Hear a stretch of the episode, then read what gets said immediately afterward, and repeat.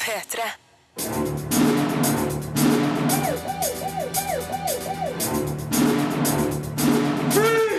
Filmpolitiet! What's your name, dude? Uh, Birger Vestmo. What kind of stupid name is that? Fast and Furious 7 er et monster av en actionfilm. Annie plages av dårlige biroller og lite spenning. De nærmeste er et godt drama med fantastisk hovedrolle. Into the Woods er flott, men kjedelig. The Second Best Marigold Hotel har et hjertelag som ikke kan fornektes, og Asterix byplanleggeren mangler eventyrlyst og dramatikk. De her påskefilmene anmeldes i dag. Du får òg høre Nicolai Coster Waldau fortelle hva vi kan forvente av Game of Thrones sesong 5. Rune har testa spillet Bloodborne, og du får høre hvordan du kan vinne Filmpolitiets cosplay-konkurranse. Filmpolitiet anmelder film. All right, let's get to work. Hey, Roman, you freaking out? No. Yes, you are. Can somebody just walk me through what we're supposed to be doing? Den sjuende Fast and Furious-filmen tømmer et tonn smørdynka popkorn i fanget ditt og underholder hemningsløst som om morgendagen aldri kommer. Handlinga er sjølsagt tynn, tøvete og såpeglatt. Det er som forventa. Actionsekvensene er eksplosive, overdrevne og lattervekkende. Det er òg som forventa.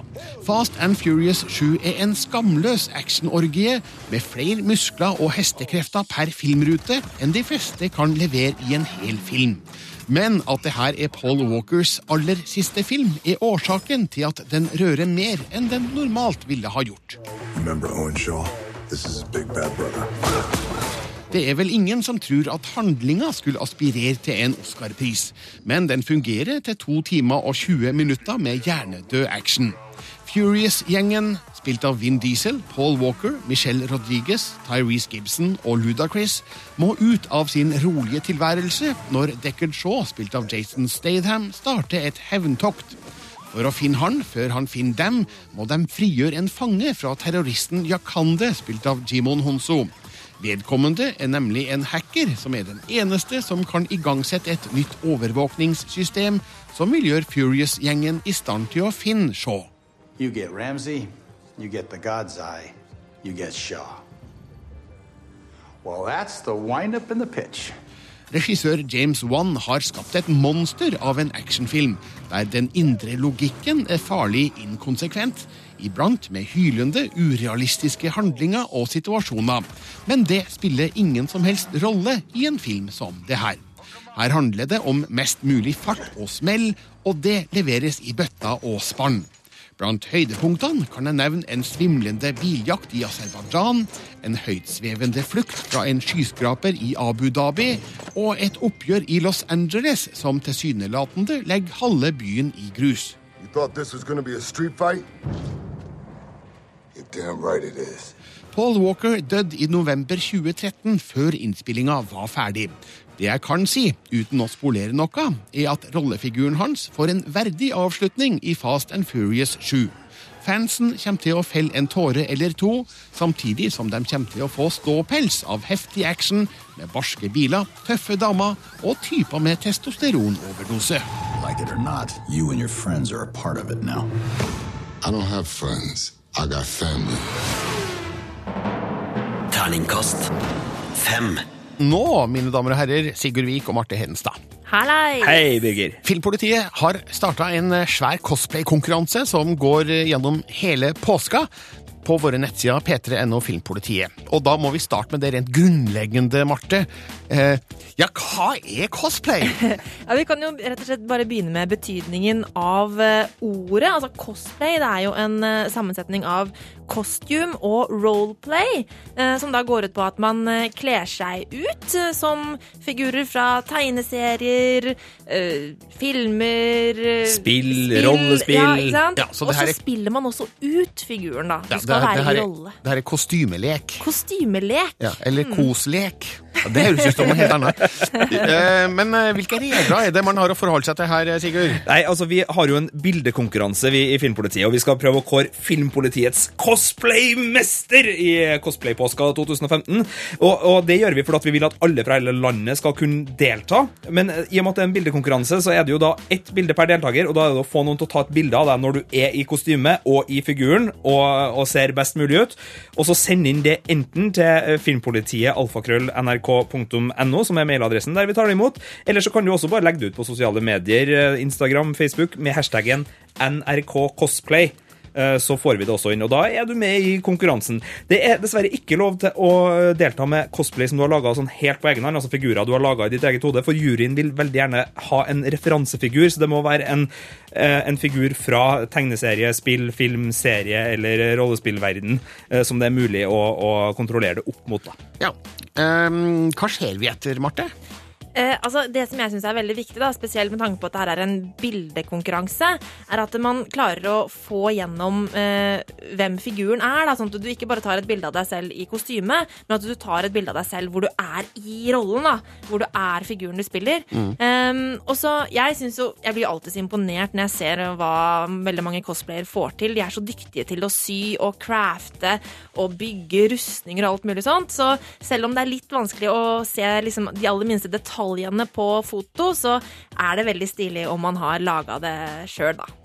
Og juryen er jo da selvfølgelig Marte, som er vår filmpolitirepresentant. Men så har vi også eh, Stig Frode Henriksen, kanskje mest visuelt kjent som Jompa fra Kill Buljo-filmen. Flott skuespiller. Det er jo en kjempefin eh, cosplayfigur. Ja, ikke sant? Det er jo et Kill Bill-cosplay, nesten. Men han eh, er jo da mest opptatt av attityd. eh, Altså kom gjennom, altså kjør på, vær, vær noe som, som har utstråling. Mm. og så har vi Kristina Erring, som er en skikkelig erfaren og merittert cosplayer her i Norge. Som er vår cosplay-ekspert, sånn at det, det faglige her eh, passes Ja. på også i, i juryen. I, eh, i cosplay-miljøet så er hun kjent som krigsdesign, og hun er en eh, dyktig cosplayer, altså. Altså, hvordan melder man seg på? Det var den der e-posten til filmpolitiet at nrk.no med, med bilde. eh, Og skriv også hvilken figur du spiller, og hvor figuren kommer ifra. Eller bare rett og slett legge ut bilde på sosiale medier med hashtaggen nrkcosplay. Cosplay, Og det samme med figurnavn og figur. Og så er det jo premien, da, Birger. For Ja. det er litt av en premie. Ja. Vil du vite hva det er? Eh, gjerne. Ja, det er jo en valgfri spillkonsoll, ikke sant? Oh, oh. Hey. Ganske hey. så fett, altså. Da vil jeg ha en gullforgylt Xbox One. Ok, bare, eh, sånn disclaimer der. Vi får ikke til å gullforgylle, uh, Birger. Så det, men en valgfri spillkonsoll, det er premien. Er det en tidsfrist man må forholde seg til? Det går til over påske, så eh, første påskedag, 6. april, er siste dag for å levere inn. Og så kårer vi 8. april kårer vi vinner. Sjekk ut Filmpolitiets cosplaykonkurranse på p3.no Filmpolitiet. Sigurd og Marte, takk skal dere ha. Dette er Filmpolitiet. Filmpolitiet På P3. Filmpolitiet anmelder film. Krølltoppen Annie er tilbake. Denne gangen er gamle dager bytta ut med et moderne New York, og barnehjemmet er bytta ut med et fosterhjem. Men låtene er derimot akkurat de samme, så allsangfaktoren kan bli høy i kinosalen. Annie anmeldes av Sigurd Vik.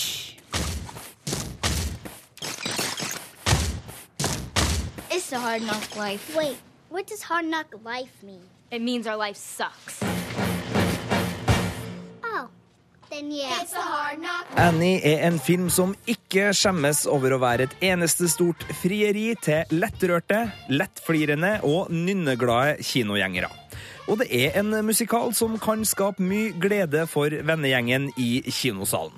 Låtene er fremdeles fengende, grunnhistoria er fremdeles tårefremkallende, og Annie er ei supersjarmerende jente. Men denne nyinnspillinga har sine skavanker. Den mangler en ordentlig skurk. Den overlesses med irriterende internhumor. Og den har en aldeles forferdelig Cameron Diaz på rollelista. Exactly. No breakfast till this place is spotless. Yes, Annie, spilt av Kwawen Shanay Wallace, er jenta som ble forlatt av sine foreldre som liten. Hun har hardna til etter å ha vokst opp i flere fosterhjem i New York, men har aldri mista trua på den store romantiske drømmen om at en dag en dag så vil foreldrene komme tilbake for å hente henne. Men i mellomtida så bor hun sammen med flere jenter hos den griske og usympatiske Miss Hannigan. Så en vakker dag blir hun redda fra å bli påkjørt av rikingen Will Stack, spilt av Jamie Fox. Will er tilfeldigvis også ordførerkandidat. Eh, Ordførerkandidater trenger stemmer, og den slu kampanjesjefen til ordførerkandidaten foreslår derfor at eh, Will skal bli Annie sin fosterpappa for ei lita stund. So what's the hustle? The more we're seen together, the better it is for my campaign. I bet if I moved in with you, you become president. Denne nyinnspillinga av musikalen Annie er dessverre så opptatt av å være et eneste gigantisk smilefjes at den glemmer å skape spenning. Filmen har to typiske skurketyper i fostermor Hennigan og denne skruppelløse kampanjesjefen, men alle skal visst være gode på bunnen, så verken vi i publikum eller fosterungene blir egentlig spesielt engstelige for noe som helst. De her skurkene spilles også aldeles forferdelig. Det er flate og tomme figurer som tyr til å fortelle oss hvem de er og hva de vil, i stedet for å vise oss hvem de er, med ja, f.eks. litt skuespill.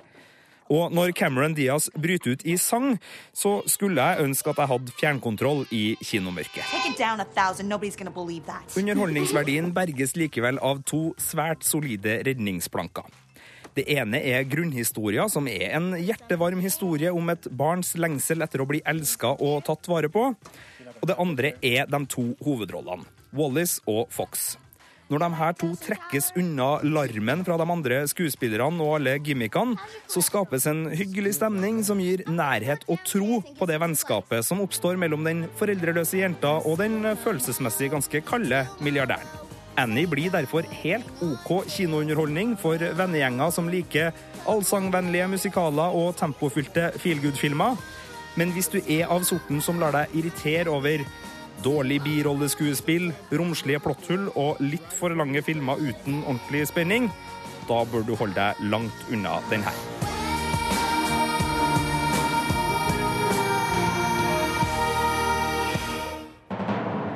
Terningkast tre. Filmpolitiet anmelder spill. Oh. A hunter, are you? And an outsider? What a mess you've been caught up in. And tonight of all nights. The hunt makes hunters mad. You know, it's just what hunters do. Det er lyd fra actionrollespillet Bloodborne, som altså ble sluppet onsdag, eksklusivt for PlayStation 4.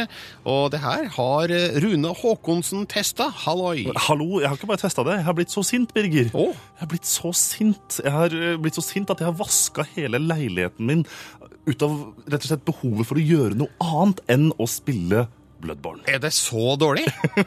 Eventuelt så bra, for Bloodborne er eh, et, et produkt av spillskaperen Hidetaka Miyazaki, som, som er kanskje kjent i noen kretser, men han lager vanskelige spill. Eh, Dark Souls, Dark Souls 2, Demon Souls. Dette er spill som, som vi har anmeldt her i Filmpolitiet før til eh, skal vi si, stående applaus, men også det er fordi at spillet er så vanskelig at vi liker det. Det samme gjelder med Bloodborne, som altså nå kom ut på onsdag til PlayStation 4. Spillet er så fordømt vanskelig. Men det er derfor det også er bra, for det tar deg ikke hånda på noen måte. Det viser deg ikke veien, det hjelper deg ikke, men du som spiller må reise inn i en stemningsfull, apropos, og mørk verden for å overvinne bestialske demoner som møter på din vei. Ja, når jeg hørte lydklippet i stad, så fikk jeg sånn Game of Thrones eh, følelse med sånn nordengelsk kvinnestemme. Ja, det, det er nok ikke så mye Game of Thrones-aktig følelse å finne igjen i selve spillet, for, for historien er nok basert mye mer rundt en sånn mørkere mytologi, hvor demoner og en, en mørk, mystisk sykdom som har rammet byen Yarnham, hvor du kommer. Eh, Så alle, eh, alle som bor der, har jo blitt til blodtørstige monstre på, på mange måter, som står i veien for din din jakt på en spesiell medisin som mange andre reisende før deg også har vært på jakt etter. Men hva må du gjøre her som er så innmari vanskelig? Det er nettopp det at i kampsituasjoner og i, i møte med spillets utfordringer, så, så, så er det rett og slett hensynsløst. Tar du et steg feil, slår du et hakk feil, klarer du ikke å ta imot et angrep på riktig måte, så er du død, og du må begynne på nytt. Så dette er et spill du dør om igjen og om igjen og om igjen og om igjen. Og om igjen og om igjen. og om igjen. Men også er det bare så viktig å si at dette er jo ikke et spill som passer for absolutt alle, nettopp fordi at man er kanskje veldig vant til i disse dager spill som tar deg i hånden, forteller deg hvor du skal gå, hvordan du skal gjøre det. Her er det mer et slags mysterie du må avdekke og grave og finne på egen hånd. Og det gjør også at eh, Miyazaki sine spill skiller seg ut i den moderne spillandskapet vi er i. Og, og derfor funker det så godt også, for han, det er null bullshit. Det er bare sånn, vet du hva, her har du det. Vi vet det funker. Finn veien din selv, og du klarer det. Hvis du prøver, og den følelsen du får når man endelig klarer det, er det som gjør også Bloodborne til et, et helt eh, supert spill. På toppen av det hele så, så er det jo ute til PlayStation 4 eksklusivt, så det betyr at det også ser ganske pent ut. Det er et spill som tar eh, skal vi si, actionspillenes grafikk inn i en ny eh, æra. Det er mange fine detaljer som gjør at denne mørke og flott design av verden som Jarnum da faktisk er, også gjør seg veldig godt i, i Bloodborne. Men Rune, til slutt, akkurat hvor sint har du blitt av å spille Bloodborne? Jeg har jo vaska hele leiligheten min, da. Eh, Det har jeg. Og så har jeg klart å styre meg fra å kaste spillkontrollen inn i TV-en, for jeg veit at det kommer jeg til å angre på etterpå, men det har vært like før, og derfor fortjener spillet Terningkast fem. Filmpolitiet anmelder film. Hva skjer? Det er broren din. Hva er det som skjer med han? Regissør Anne Sewitsky angriper et tabu i De nærmeste. Det handler om et lidenskapelig forhold mellom søsken, som kun har blitt både smakløst og sensasjonsprega.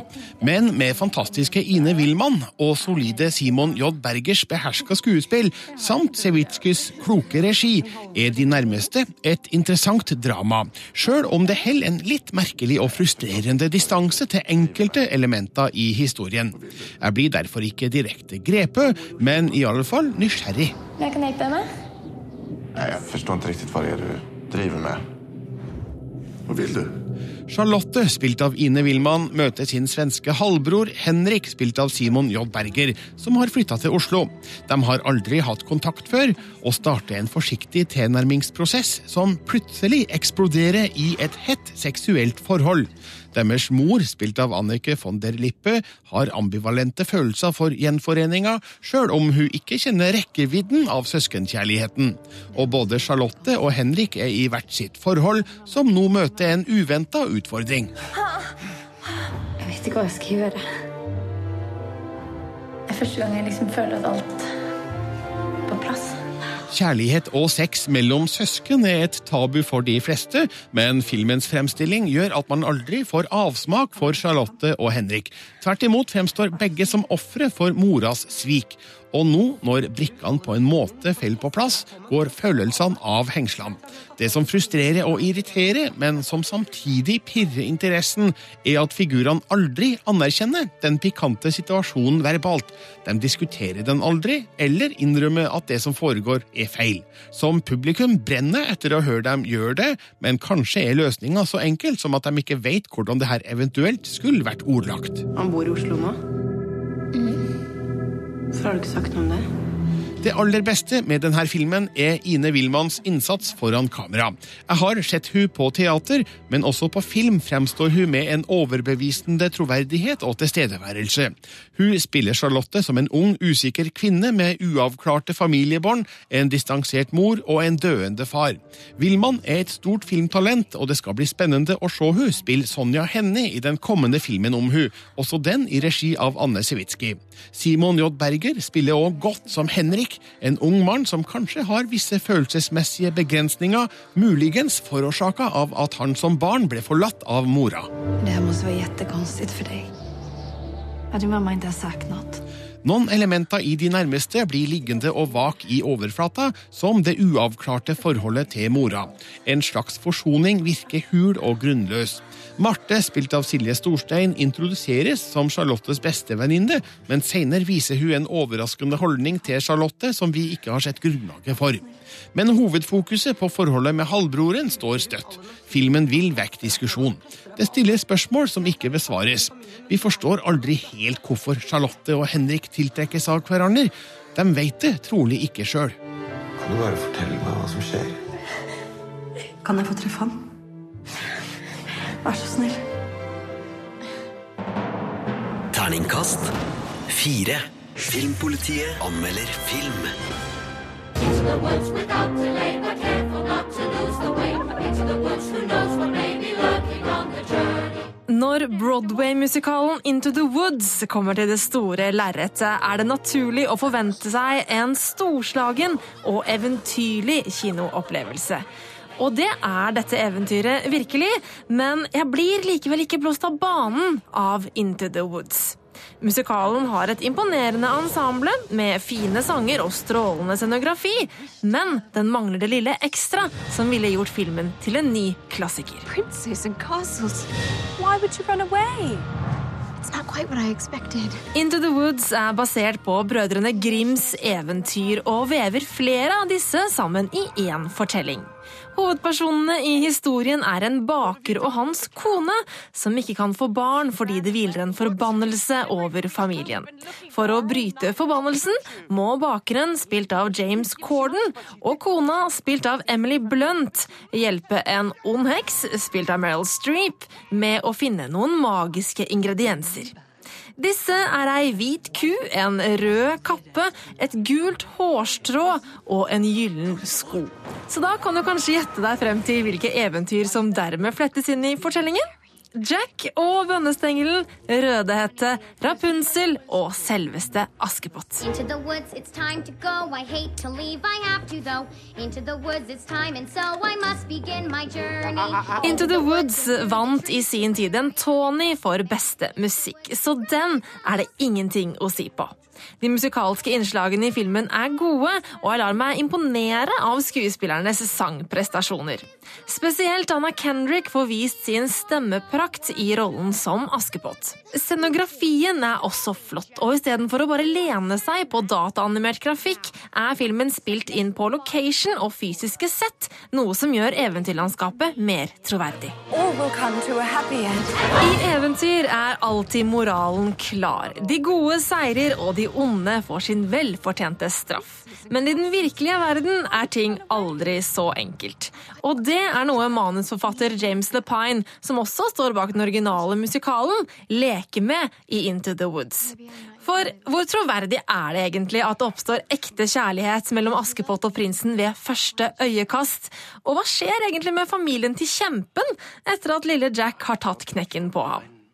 Into the Woods harselerer med hvor enkle og overfladiske mange av de klassiske eventyrene er, og har flere gode øyeblikk som fikk meg til å le. Da mest pga. Emily Blunt, som er skarp og vittig i rollen som bakerkona, og Chris Pine, perfekt i rollen som den ekstremt selvopptatte og grunne prinsen. Problemet er at Into the Woods i sitt angrep på eventyrets overfladiskhet går i den samme fella selv. Rollefigurene er for flate, og jeg blir aldri godt nok kjent med dem til at jeg bryr meg om dem. Og da er det heller ikke så farlig hva som skjer med dem heller. Dermed blir ikke musikalen den engasjerende og gripende eventyrfortellingen den kunne ha vært, til tross for flotte musikalnumre, artige enkeltscener og godt skuespill, er Into the Woods faktisk litt kjedelig.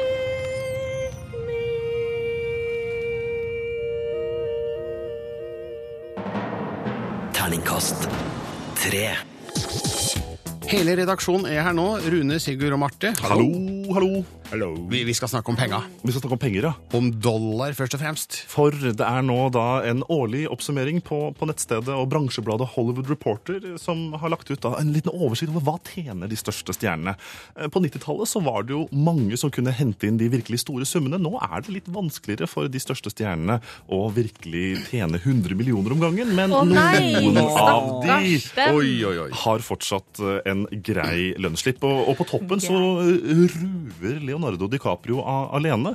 Han kan be om hele 25 millioner dollar per film, og er det greit? Er Leo det heiteste i Hollywood? Jeg tenkte liksom at han Han var litt over toppen sånn popularitetsmessig, da. For det er altså totalt seks stykker som kan be om eh, 20 millioner eller mer. Eh, DiCaprio på toppen, og så nå har jeg lyst til å ta en liten sånn quiz på dere for de to neste på lista. Ja. Det er en mann og en dame vi skal fram til, og så har jeg tenkt å gjøre det på den måten at vi skal få høre et lite lydklipp, og så skal dere gjette hvilken film og skuespiller oh, det her er eh, snakk om. Så OK, den nest best betalte mannen i Hollywood, Birger, kjør klipp.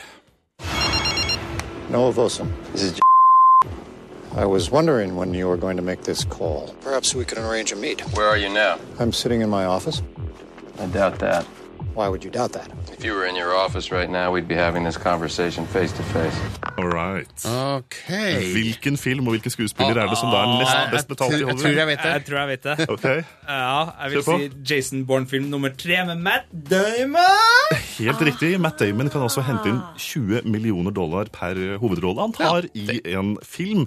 Eh, like godt matcha er den dama vi skal fram til nå, som er altså da den best betalte kvinnelige skuespilleren i Hollywood. Hør på dette. Sir, side please. It's emergency official business, ma'am. Hey, hey, hey, get lost! FBI, you might want to stay out of this, all right, sir? All right. I would like eight double tall lattes, one with no foam. Er det sant? Sandra! Sandra Bullock best betalt? Og så måtte jeg bare da komme med en liten innrømmelse at jeg liker Frøken Undercover veldig godt. Ah. Det er Du sier Frøken. Undercover òg. Du, Ja. sier ikke Miss Undercover. Du sier Frøken Men, Undercover. Hallo, Leonardo DiCaprio og Sandra Bullock, er det her 1992? Det er litt sånn rart å se på, for hvis du ser på også de andre som kan da be om 20 millioner dollar eller mer altså Vi har DiCaprio, Bullock og Matt Damon, og så har vi Robert Downey jr., Denzel Washington og Angelina Jolie. Hun var min nummer to Men på hvor, hvor er liksom dagens stjerneskudd? Hvor er Hvor er Chris Pratt? Tatum? Hvor er Jennifer Lawrence? Ja, for Men hun er på vei oppover, oppover, Ja, hun er på vei oppover, Men hvor mye tror dere Jennifer Lawrence kan ta betalt, da? Nei, 15 millioner dollar, da? Altså, hun tok jo mindre enn alle de andre i American Hustle, husker jeg det var en Yes. del eh, om. Og det har jo vært en stor diskusjon det siste om lønnsnivået i Hollywood. Jeg tror nok at Jennifer Lawrence er på vei opp. 10-15 millioner dollar kan hun be om for en hovedrolle. Men gutta, fire av de seks betalte, er fortsatt gutter i Hollywood også. Så sånn er det bare. Skal vi, skal vi nå snakke om hva vi tjener, for å snakke om hva stjernene i Hollywood tjener? Nei, jeg tror ikke vi gjør det. Filmpolitiet. Does that sound good to you? På P3. Redaksjonen er fremdeles, det vil si Rune, Marte og Sigurd. Og Rune, det tikka nettopp inn en litt interessant melding om Julia Louise Dreyfus. Ja, for hun er i samtaler akkurat nå, melder The Hollywood Reporter, på å ta en av hovedrollene i nyinnspillingen av den svenske filmen Turist. Ja, så hun skal altså da spille den amerikanske versjonen av rollen som Lisa Loven Kongsli gjorde i den svenske versjonen. Rett og slett. Og så kan vi jo heller diskutere om vi liker at alle filmer skal remakes og nyinnspilles på, på amerikansk. Det gjør ikke jeg, men, men hvis først en person skal ta den rollen, så ja, Julia Louise Dreyfus kan gjøre det bra, altså. Hvem i USA har nok skjegg til å spille versjonen av Christopher Hivjus karakter? Hva med Christopher Hivju? Kanskje. Ja. Han er faktisk kjent der. Ja da, men uh, det her er jo en litt sånn ny retning for uh, Julia Louise Dreyfus i så fall. Litt mer uh, drama i stedet for komedie, som hun er mest kjent for nå. Det kan jo bli interessant, det. Ja, jeg tror det kan funke godt, det. Steven Spielberg han skal lage film av Ready Player One. Det var det mange i redaksjonen som var begeistra for eh, litt tidligere i uka, men da må noen forklare meg hva Ready Player One er for noe. Det er jo blitt en slags kultbok eh, hvor en, en person, eller hovedpersonen, er inne i et eh, virtuelt spill, og hvor skaperne spiller dør og etterlater seg en, en skatt som de ulike personene i dette spillet må kjempe om. Så man plasserer hele historien i et virtuelt univers, og man tar referanser til 80-tallets spill, Pac-Man og alt mulig rart, pakka inn da i en eventyrhistorie som virkelig nå da får en ordentlig Hollywood-behandling. Jeg tror det kan bli ganske bra. Og det er så godt for meg, for jeg har fått anbefalt den boka så mange ganger. Og tenkt sånn, ja, den må jeg lese, Men jeg er jo ikke en sånn fyr som nødvendigvis leser bøkene. vet du. Og nå kommer filmen, så da slipper jeg å lese boka. Da ordner det seg. da ordner det seg.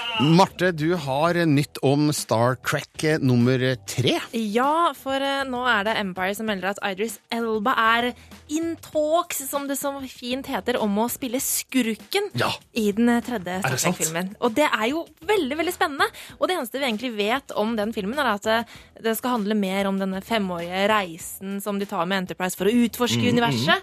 Mm. og da kan vi jo da spekulere i hvem er det han skal eh, være? Hvilken skurk er det han skal være? Han, han tar med seg litt fra skurken han spilte i The Wire, og litt fra den skurkedetektiven han er i Luther, og bare smørje det sammen til en intergalaktisk superskurk. Vi har trua på at Iris Elba får til Ja, det. ja, Jeg tipper det blir noe Klingon-relatert, jeg. Ja! Det kan være interessant. Mm. Så um, Idris Elba, Star Trek 3, ja da.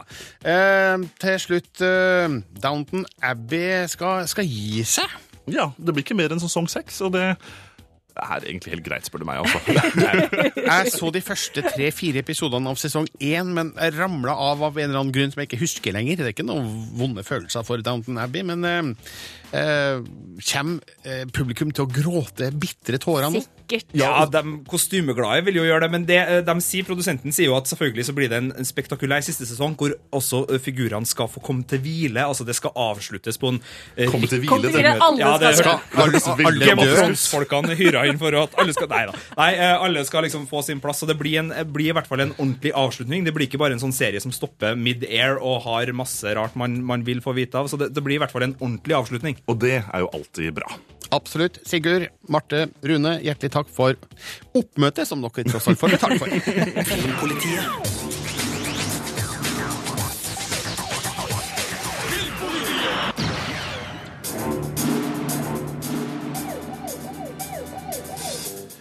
Danske Nicolai Coster Waldau spiller Jamie Lannister i Game of Thrones. Det har han gjort i fire sesonger, og straks er den femte premiere klar. 12. april er den magiske datoen på HBO Nordic. NRKs Jarl Nybø har eh, møtt Jamie Lannister, og eh, ikke Han heter jo ikke det i virkeligheten, da. Han heter Nicolai Coster Waldau, og han kan fortelle oss det han kan si om det vi kan vente oss av sesong fem. Lannister, Baratheon, Stark, Tyrell. They're all just spokes on a wheel.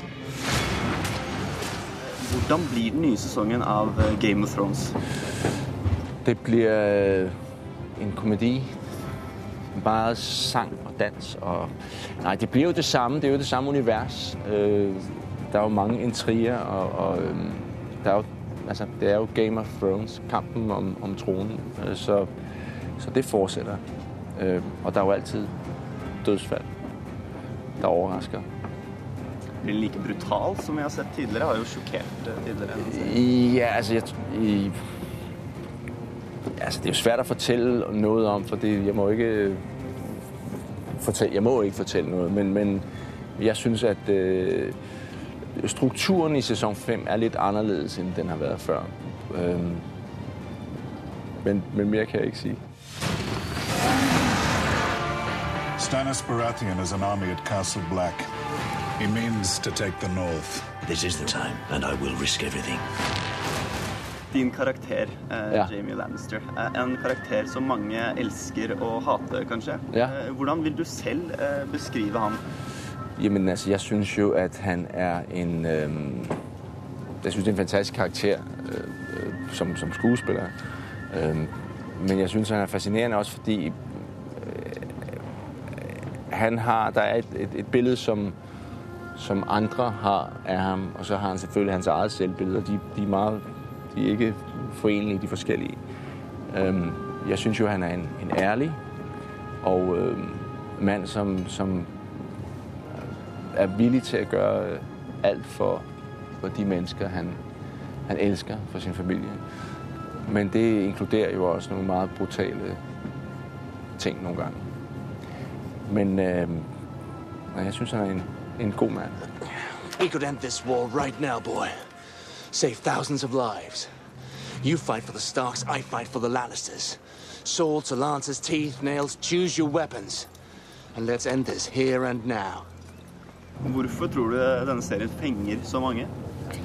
Altså, det, er- det er en god historie, det er, jo, det er jo en spændende historie, det er nogle virkelig interessante karakterer. Øh, så har du, øh, så følger, altså, det det blev allerede etableret i sæson 1, hvor Ned Stark blev slået ihjel. Altså, den, følger, den følger ikke de normale regler for, hvem er hovedfiguren, og hvem er ikke hovedfiguren. Her der er alle i spil. Øhm, og så tror jeg måske, det, at det, det foregår i den her parallelverden, det gør, at det er måske nemmere for, for folk alle steder i verden at kunne identificere sig med de her mennesker. Fordi det ikke, det er ikke specifikt øh, norsk eller amerikansk, eller det er, det er Wester, West, Westeros, så det kunne være alle steder.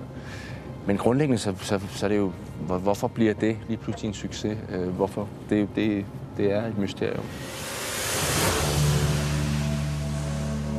The Seven Kingdoms needs a ruler loved by millions with a powerful army and the right family name. Good luck finding him. Who said anything about him? Filmpolitiet på P3. Nikolai Coster-Waldau ble intervjua av NRKs Jarl Nymo. Og Game of Thrones sesong fem har premiere over hele verden 12. april her i Norge på HBO Nordic. P3. Asterix byplanleggeren har norgespremiere på kino i dag, og anmeldes av Rune Haakonsen. Filmpolitiet anmelder film. Romas uovervinnelige makt, liksom klørne til falken, har hun erobret hele Gallia. Unntatt her i Armorica, når en håndfull ukuelige gallere fortsetter å le av nebbet til keiserørnen. Etter 15 animasjons- og spillefilmer har de franske ikonene Asterix og Obelix tatt steget inn i tre dimensjoner med filmen Byplanleggeren. Filmen er den første digitalt animerte fortellingen basert på de berømte tegneserieheftene. Høvding Majestix, vi må snakke med deg! Han er i møte. Kan jeg ta beskjed? Livet i den lille gallerlandsbyen går sin vante gang med vennlige slåsskamper, villsvinkjøtt på bordet og et sterkt samhold. En dag bestemmer Cæsar seg, etter mange mislykkede angrep, for at måten han kan bli kvitt de fastgrodde innbyggerne på i den ytterliggende provinsen, ja, det er å assimilere dem kulturelt. Ved å bygge opp en ny storby rundt landsbyen kan gallerne ikke annet enn å tilslutte seg det overlegne romerske liv. Filmen handler derfor lite om eventyrene og utfordringene til Asterix og Obelix, men mye mer om problemene som oppstår med innvandring og presset på kulturell identitet. For hva er det som egentlig kjennetegner en galler? Den kjære skogen deres må ikke plass for boligblokker. Omringet av romersk sivilisasjon blir de nødt til å tilpasse seg eller forsvinne. Hva tenker du å kalle den grandiose byen? Urbania. Det masseproduserte og passifiserende samfunnet som Cæsar drar med seg til utkantprovinsene, fortrenger i filmen Asterix byplanleggeren ja, raskt de etablerte normene i gallerlandsbyen. Samholdet forvitrer som dugg for solen, og i sin nye, komfortable livsstil i en treroms leilighet i en høyblokk, så har ikke de tidligere så stolte gallerne engang tatt vare på sin styrkedrikk. Det mest dramatiske øyeblikket i filmen er når dette feiltrinnet endelig blir klart for alle i landsbyen, og Miraculix på sparket ordner opp og lager mer av godsakene. Kampen mellom tradisjon og det moderne liv, og presset fra en sterk ytre kultur, tegner et omriss av en historie om å ta vare på hva som gjør oss unike. Men i stedet for å la Asterix og Obelix selv stå i sentrum for en slik omveltning, forteller filmskaper Alexandre Astier om denne problemstillingen gjennom byplanlegging og boligblokker. Et ganske så kjedelig fortellergrep som også gjør budskapet utydelig og utilgjengelig for de aller minste. Vi må bli kvitt de sivile. Uten å tenke. Da har jeg skjønt det hele! Hele hva da? Ja, sånn rent generelt har jeg skjønt noe. Overgangen til 3D passer likevel figurene godt, og med kjente og dyktige norske stemmeskuespillere er filmen en trygg havn tross alt. Men med et såpass feilslått utgangspunkt er selv de kjente vendingene og vitsene fra Asterix og Obelix sine mange fortellinger ja, de blir ikke morsomme nok i denne filmen. Borte er eventyrlysten, nysgjerrigheten og dramatikken. Tilbake i Asterix byplanleggeren står ruvende grå romerske boligblokker. Hva koster makrellen? En sestert. Spesialpris Urbania. 40 sesterser. Jeg tar det. Dere er blitt en gjeng med grådige idioter. Dere er feil. Vi var alt idioter lenge før romerne. Hold tåta, Kubitus. Terningkast tre. Filmpolitiet anmelder film. The Marigold Hotel has been going properly for eight months now. People who come and go, but there's been a core of regulars from the beginning, and Sunny takes a roll call every morning. A most valuable precaution to ensure that nobody has died in the night. The Second Best Exotic Marigold Hotel er oppfølgeren til The Best Exotic Marigold Hotel fra 2011. Og sjøl om den viderefører forgjengerens oppskrift ved å utsette solide skuespillere for enkle såpeserieaktige intriger og problemstillinger, er den et hakk bedre. Kanskje er det fordi jeg kjenner figurene fra før, at det er enklere å få fot for historien. Men filmens hjertelag kan rett og slett ikke fornektes eller ignoreres. Det her er pensjonistkos med store doser varme, humor og livsinnsikt, om en av den litt glatte og forenkla varianten. The Marigold Hotel is full up, so we have to expand. A chain of hotels stretching across India and beyond for those such as this great lady who had the chance to say, Why die here when I can die there? The Best Exotic Marigold Hotel er et lite, intimt hotell i Jaipur i India, bebodd av britiske pensjonister. Nå vil eierne Sonny, spilt av Dev Patel, og Muriel, spilt av Maggie Smith, ekspandere i samarbeid med en amerikansk hotellkjede. Sonny får høre at de sender en anonym speider for å sjekke ut hotellet, og når Guy, spilt av Richard Gere, dukker opp, er Sonny sikker på at han er denne speideren, og satser alt på å sikre Guy et uforglemmelig opphold. Ladies and gentlemen, this is the great Guy Chambers. Lordy, oh Lord, have mercy on my ovaries. First time in India? No, it's just pretty much a dream until now. Any other dreams I could help you with? Det her er sjølsagt bare én av flere historietråder i filmen. Her videreføres og det uavklarte forholdet mellom Evelyn, spilt av Judy Dench, og Douglas, spilt av Bill Nye. Norman, spilt av Ronald Pickup, mistenker at kjæresten Carol, spilt av Diana Hardcastle, er utro, mens Sonnys sjalusi vekkes rett før hans eget bryllup med Sunaina, spilt av Tina Desai. Regissør John Madden greier å veksle mellom alt det her uten at publikum forvirres. I'm so sorry. Were you talking to me? I don't know why I tell you anything. Because I'm older and wiser. 19 days older. That's the entire lifespan of a wasp. The Second Best Exotic Marigold Hotel gir hyggelige gjensyn med bl.a. Judy Dench, Bill Nye og Richard Gere. Det slo meg mens jeg så filmen at jeg elsker Maggie Smith, som i sitt 81. år fremdeles har autoritet og utstråling foran kamera. Slike prestasjoner gjør The Second Best Exotic Marigold Hotel til en hyggelig filmopplevelse. Ladies and gentle gentlemen, let us travel to the new jewel in my crown, the pearl in my oyster, the second best exotic marigold hotel. Terningkast fire. Filmpolitiet anmelder film.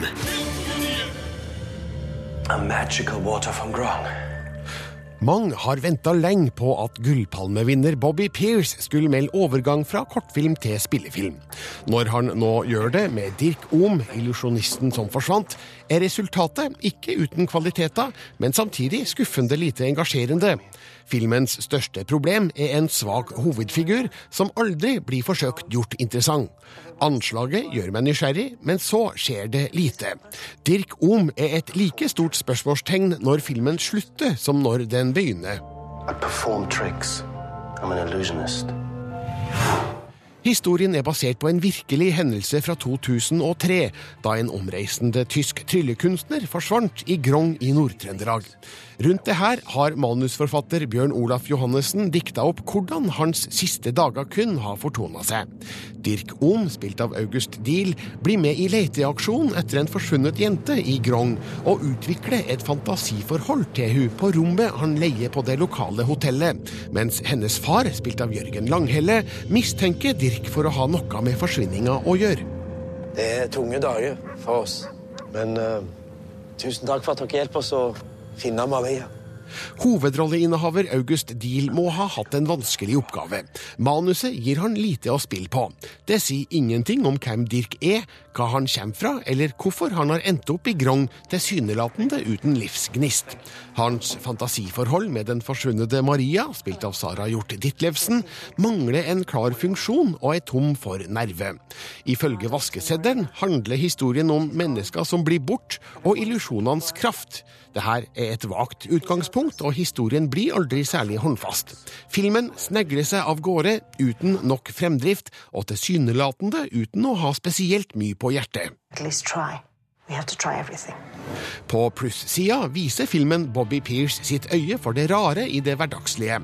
Grong kan minne om ethvert lite norsk tettsted, med en vekslende vellykka blanding av de siste tiåras diskutable arkitektur og utforming.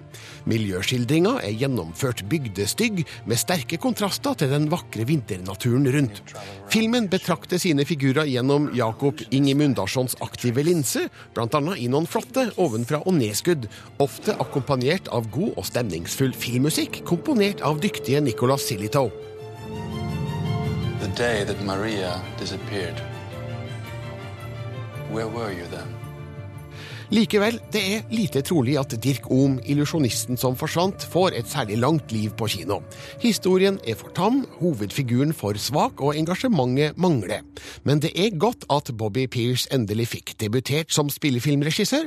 Dirk Ohm viser at han absolutt kan regissere film, men han trenger sterkere historier å fortelle enn det her. Thank you. Thank you. Terningkast tre. Da er Filmpolitiet over. Jeg heter Birger Vestmo. Sjekk ut anmeldelse av all påskefilmene på p3.no Filmpolitiet. Ha det! Filmpolitiet Med Birger Vestmo. NRK. NRK. P3. Hør flere podkaster på nrk.no podkast. P3.